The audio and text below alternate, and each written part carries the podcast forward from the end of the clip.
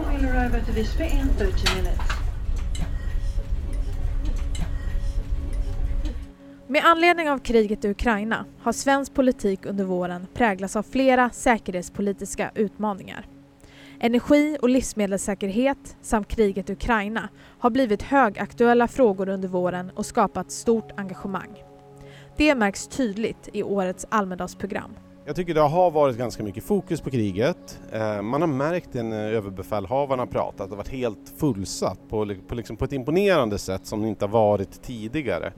Eh, men också att andra aktörer börjar fundera kring ehm, vad är vår roll i totalförsvaret? För mig är det viktigt att förstå att eh, robusthet i energisystemen och klimatomställningen, energiomställningen, det är egentligen två stödjande processer så vi får inte gå fel och göra dem till motsatser. Det är inte pengar som är problemet utan det är hur vi investerar de här medlen. Folk och Försvar har träffat Rysslandsexperten Oskar Jonsson, Energimyndighetens generaldirektör Robert Andrén och den högsta svensken inom FN-systemet, assisterande generalsekreterare för FNs utvecklingsprogram, Ulrika Moder. I det här podcastavsnittet Almedalens special vill vi rikta blicken mot vad vi kan vänta i höst vad kommer vara mest aktuellt och vilka möjliga lösningar finns dels inom räckhåll, dels på längre sikt?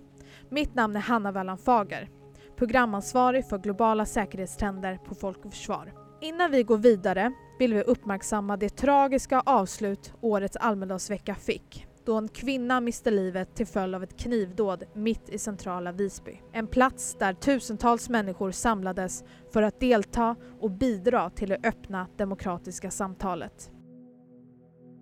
Folk och Försvar deltog under årets Almedalsvecka för att sprida kunskap och främja en öppen diskussion om frågor som påverkar vår säkerhet. Det demokratiska samtalet får aldrig tystas. Du lyssnar på Folk och Försvar-podden Folk och Försvar bidrar till att Sveriges säkerhet ska vara hela folkets angelägenhet. Jag heter Ulrika Moder och jag är assisterande generalsekreterare i FN för FNs utvecklingsprogram UNDP.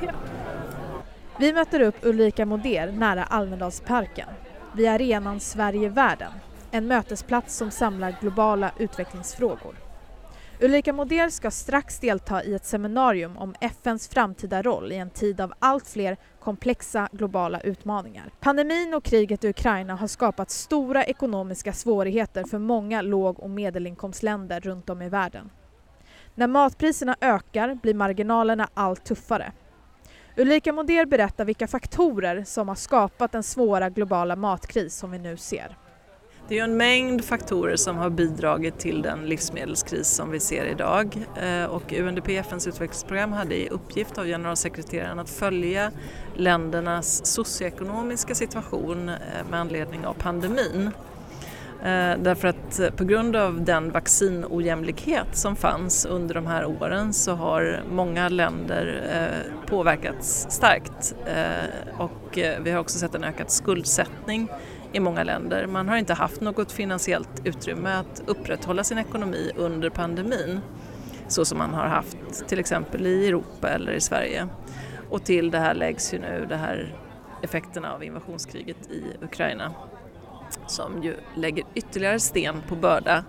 Och vad vi ser nu är ju många låginkomstländer men också medelinkomstländer som har ekonomier i fritt fall och där vi är oroliga för fullständig kollaps därför att man har inte längre tillgång till den internationella marknaden för ytterligare lån eller krediter. Eh, och vad gäller livsmedelskrisen så är det ju också kopplat till klimatförändringarna som ju pågår som en växande kris eh, under den här tiden när vi också ser ett utökat antal allt mer utdragna kriser och konflikter i världen.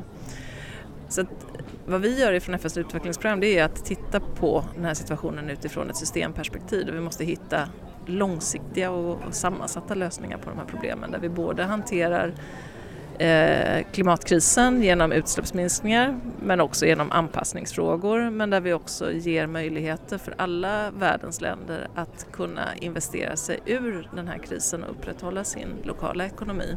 Därför att i grund och botten så finns det livsmedel för hela världen. Eh, det ska inte behöva vara en värld med ökad svält utan det handlar ju om hur vi fördelar resurser och ger möjligheter för alla länder att kunna upprätthålla sin ekonomi under tider av kris. Men också att kunna adressera de här långsiktiga utmaningarna som klimatförändringarna innebär. Inte minst för de länder som har bidragit allra minst egentligen till klimatförändringarna vilket ju innebär en djup klimatorättvisa. Vi ser alltså stora socioekonomiska klyftor i spåren av den senaste tidens kriser. Och den ökade klimatorättvisan oroar UNDP. Både utifrån samhällssäkerhet och säkerheten för enskilda individer. Ja, men det är viktigt att se att det här begreppet mänsklig säkerhet som vi ofta talar om på FNs utvecklingsprogram är av största vikt. Alltså människors grundläggande rätt till hälsa, utbildning och framtidstro i grund och botten.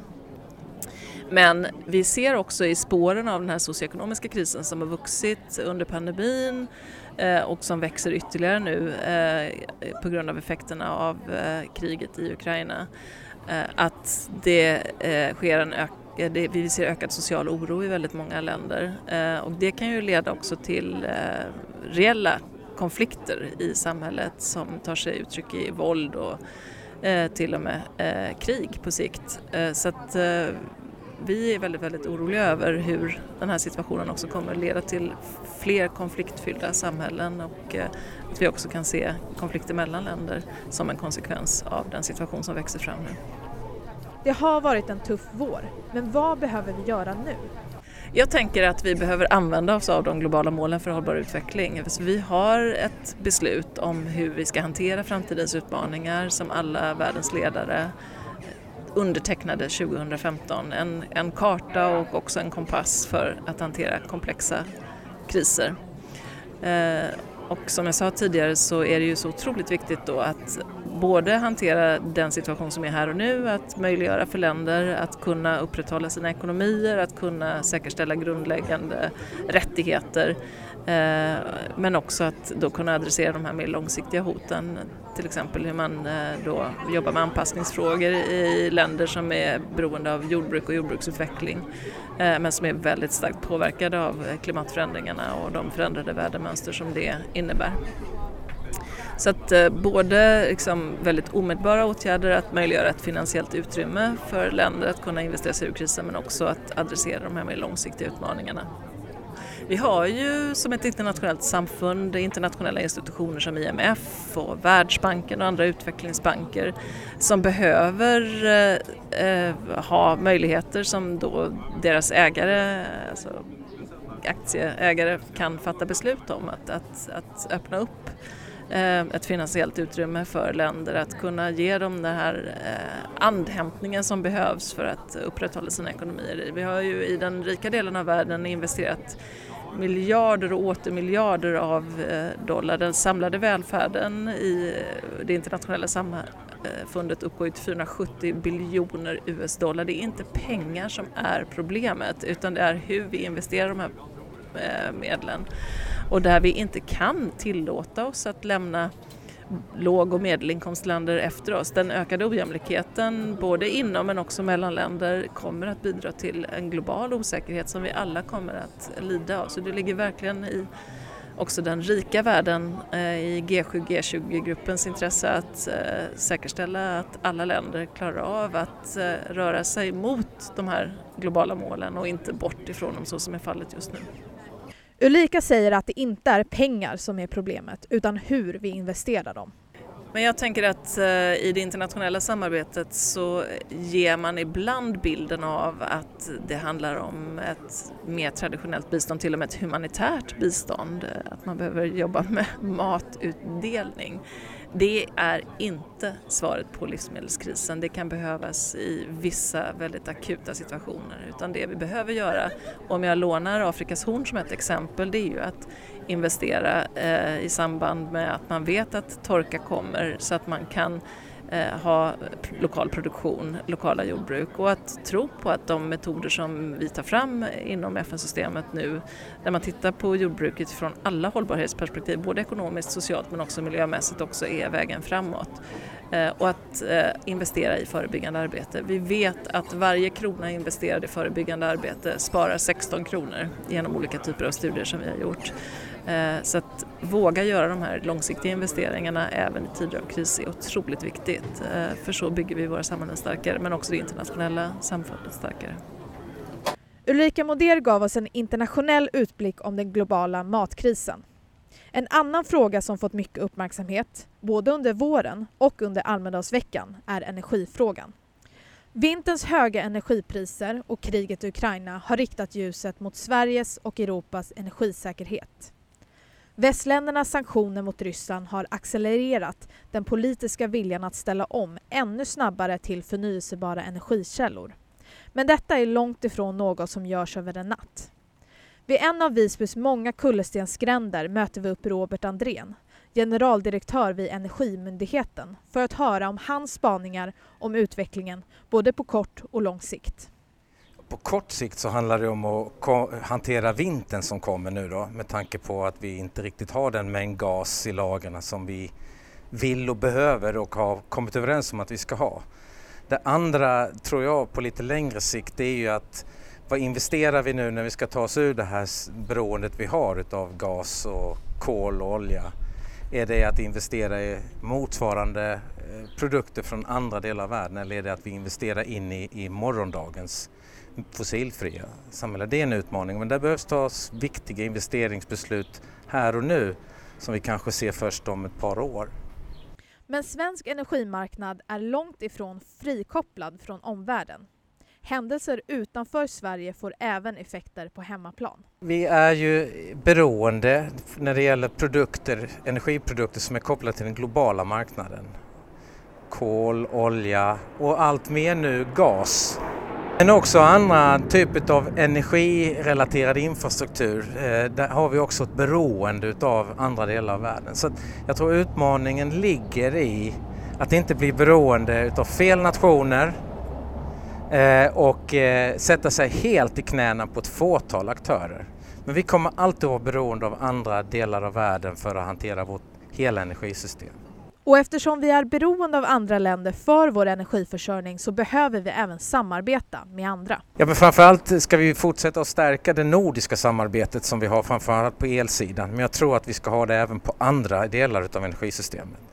EU givetvis en viktig aktör, att EU fortsätter koppla ihop sig, även om det på kort sikt kan innebära förändringar i prisbilder och sånt. Det vi ska bort ifrån det är ju de här länderna som vi i grund och botten eh, ser som en säkerhetsrisk av väldigt många andra skäl, geopolitiska skäl. Vi avslutar samtalet med Robert med att prata om framtida utmaningar och vad Sverige kan göra för att skapa ett energisystem som håller i längden. Ja, men vi måste ju jobba med beslut som, som handlar om att fundera på vad är de här svagheterna vi har i eh, både i dagens system men framförallt också i morgondagens energisystem det vi ser komma, det vi är på väg mot eh, och sen också själva resan. Jag tror en viktig del är att liksom börja tänka cybersäkerhet. För det är inte bara så att vi, vi, vi går mot fossilfrihet, vi går mot elektrifiering, vi går mot digitalisering. Och här har vi helt nya komponenter i, i säkerhetsperspektivet som vi inte riktigt har behövt hantera på samma sätt. Det kommer att vara en nyckel på Europanivå skulle jag vilja säga att det är just den här förflyttningen nu från det beroendet av fossila eh, energiråvaror. Eh, I Sverige så handlar det om att vi, tror jag, måste kraftsamla och ta de här modiga, kanske lite svåra besluten som kommer att vara nödvändiga för att vi ska gå vidare in i morgondagens energisystem. Och jag tänker när det gäller till exempel vätgas, när det gäller elektrifiering och så vidare. Här skulle jag vilja också hävda att det offentliga, staten, har en väldigt viktig roll i att säkra upp en infrastruktur för, för den elektrifiering och digitalisering vi nu ser.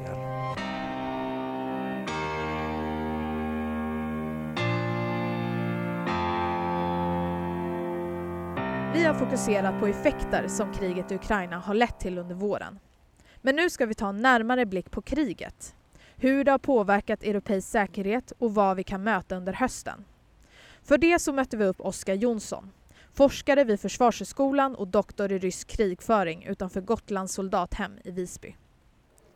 Jo men den har ändå påverkats europeisk säkerhet i grunden. Ehm, Ryssland invaderade Ukraina 2014 redan eh, med militära medel, vilket man redan då talade om att oj, det är det största brottet mot folkrätten sedan andra världskriget. Ehm, men det var ändå olika på det sättet som Europa svarade. Ehm, den här gången så, det var ingen förnekbarhet Um, och de sanktionerna, inklusive eh, ryska olje och gasexporter, um, ehm, det var mycket mer långtgående än vad Ryssland räknade med och det ehm, gör att konflikten med Ryssland är uppenbar för alla på ett sätt det faktiskt inte var 2014 och långsiktig. Och jag tror dels kriget i Ukraina kommer att fortsätta och jag tror också att konflikten med Ryssland och Europa kommer att fortsätta. Så att den har skakat Europas säkerhet i grunden. Kriget i Ukraina är ett faktum och tyvärr långt ifrån över. Stridigheter fortsätter i östra Ukraina. Vi frågar Oskar Jonsson vad vi kan vänta framöver. Nej, men ända sedan kriget startade egentligen i februari så har vi sett progressivt mindre och mindre stora eh, rörelser på kartan med eh, Ryssland egentligen har börjat vinna lite territorium igen efter att ha radikalt minskat sina målsättningar. Eh, och mycket av det här pekar på en högre grad av utmattning, att man har inte eh, egentligen orken att genomföra större offensiver. Ehm, så att mot sommaren så verkar utmattningen framförallt på den ryska sidan vara väldigt hög. Men nu går vi också in i ett utnötningskrig där Rysslands främsta hopp är att, eh, Eh, att väst inte orkar längre, att väst inte orkar förse Ukraina ekonomiskt, att väst inte orkar förse Ukraina med militärt material eh, för att fortsätta hålla ut. Så att jag tror inte att det kommer gå över, men jag tror att eh, intensiteten kommer gå ner och vi kommer se mer av utnötningskrig. Ryssland har en ganska lång historia av att återstarta stridigheter och bryta mot ingådda eldupphörsavtal. Alltså ett sådant exempel är ju Minsk 2 heter ju Minsk 2 för att först slöt man Minsk 1, sen fyller man på med manskap och materiel och ammunition så återstartar man stridigheterna när det passade bättre. Eh, och det är absolut inte osannolikt att man gör någonting vidare mm, så här heller, vilket rent politiskt får skulden att verka på Ukrainas sida. Om man sluter ett teoretiskt eldupphörsavtal enligt gränserna eh, men till exempel Ukraina vill fortsätta, de är inte nöjda. Om Ryssland säger att nu slutar vi här, nu vill vi ha eldupphör, um, så kan det bli, bland europeiska städer kan det minska stödet för Ukraina om de uppfattas vara drivande i konflikten. Um, nej men det får egentligen tiden utvisa. Um, som det ser ut nu så har den europeiska samhörigheten varit ganska stark. Den börjar vackla lite kopplat med den ekonomiska krisen som kommer i, i Europa och då kommer det vara svårare att hålla Ukraina under vingarna. Men vi vet inte, det får, det får spela ut sig. Kriget har fått mycket uppmärksamhet sedan invasionen inleddes. Men vi kan redan nu se hur rapporteringen här i Sverige hör till vardagen och konkurrerar med rapportering om annat. Vi går nu in i en valrörelse där inrikespolitiska frågor fyller nyhetssidorna. Jag tror att det finns en ganska stor risk att eh, säkerhetspolitiken och kriget i Ukraina faller undan lite i valet. Eh, och det har att göra med att många av de största frågorna finns ju nu faktiskt en enighet om. 2% av BNP till försvaret, sen är det en fråga vilket år det ska komma, men NATO, det kommer att komma. Eh, så att jag ser inte att det finns några stora partipolitiska strider där utan från partierna så vill man nog egentligen prata om andra saker. Men sen så är det någonting annat med val. Eh, val är ju en sån kritisk process för att legitimera eh, ett maktöverlämnande eller, ett, eller att man sitter kvar med makten i en demokrati. Och det är därför det är så mycket valpåverkan. Det går ut på att den förlorande sidan säger okej, okay, vi förlorade men processen var fair, därför eh, så, eh, så accepterar vi att vi har förlorat. Och det kan vi se i USA vad som händer när en av sidorna säger att nej, processen var inte fair, det var valfusk. Så att eh, jag tror säkerhetspolitiken kan göra sig påmind på det sättet med olika typer av påverkansoperationer mot det svenska valet. Tack! Tackar.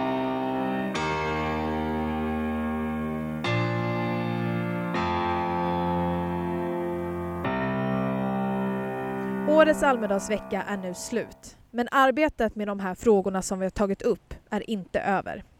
Energi, mat och kriget i Ukraina lär fortsatt diskuteras under hösten då utmaningarna är många. Tack för att ni har lyssnat på det här podcastavsnittet. Innan vi går på sommaruppehåll så kommer vi släppa ytterligare ett avsnitt av Folk och Försvar-podden. Då kommer ni att få höra mer om den tysta pandemin.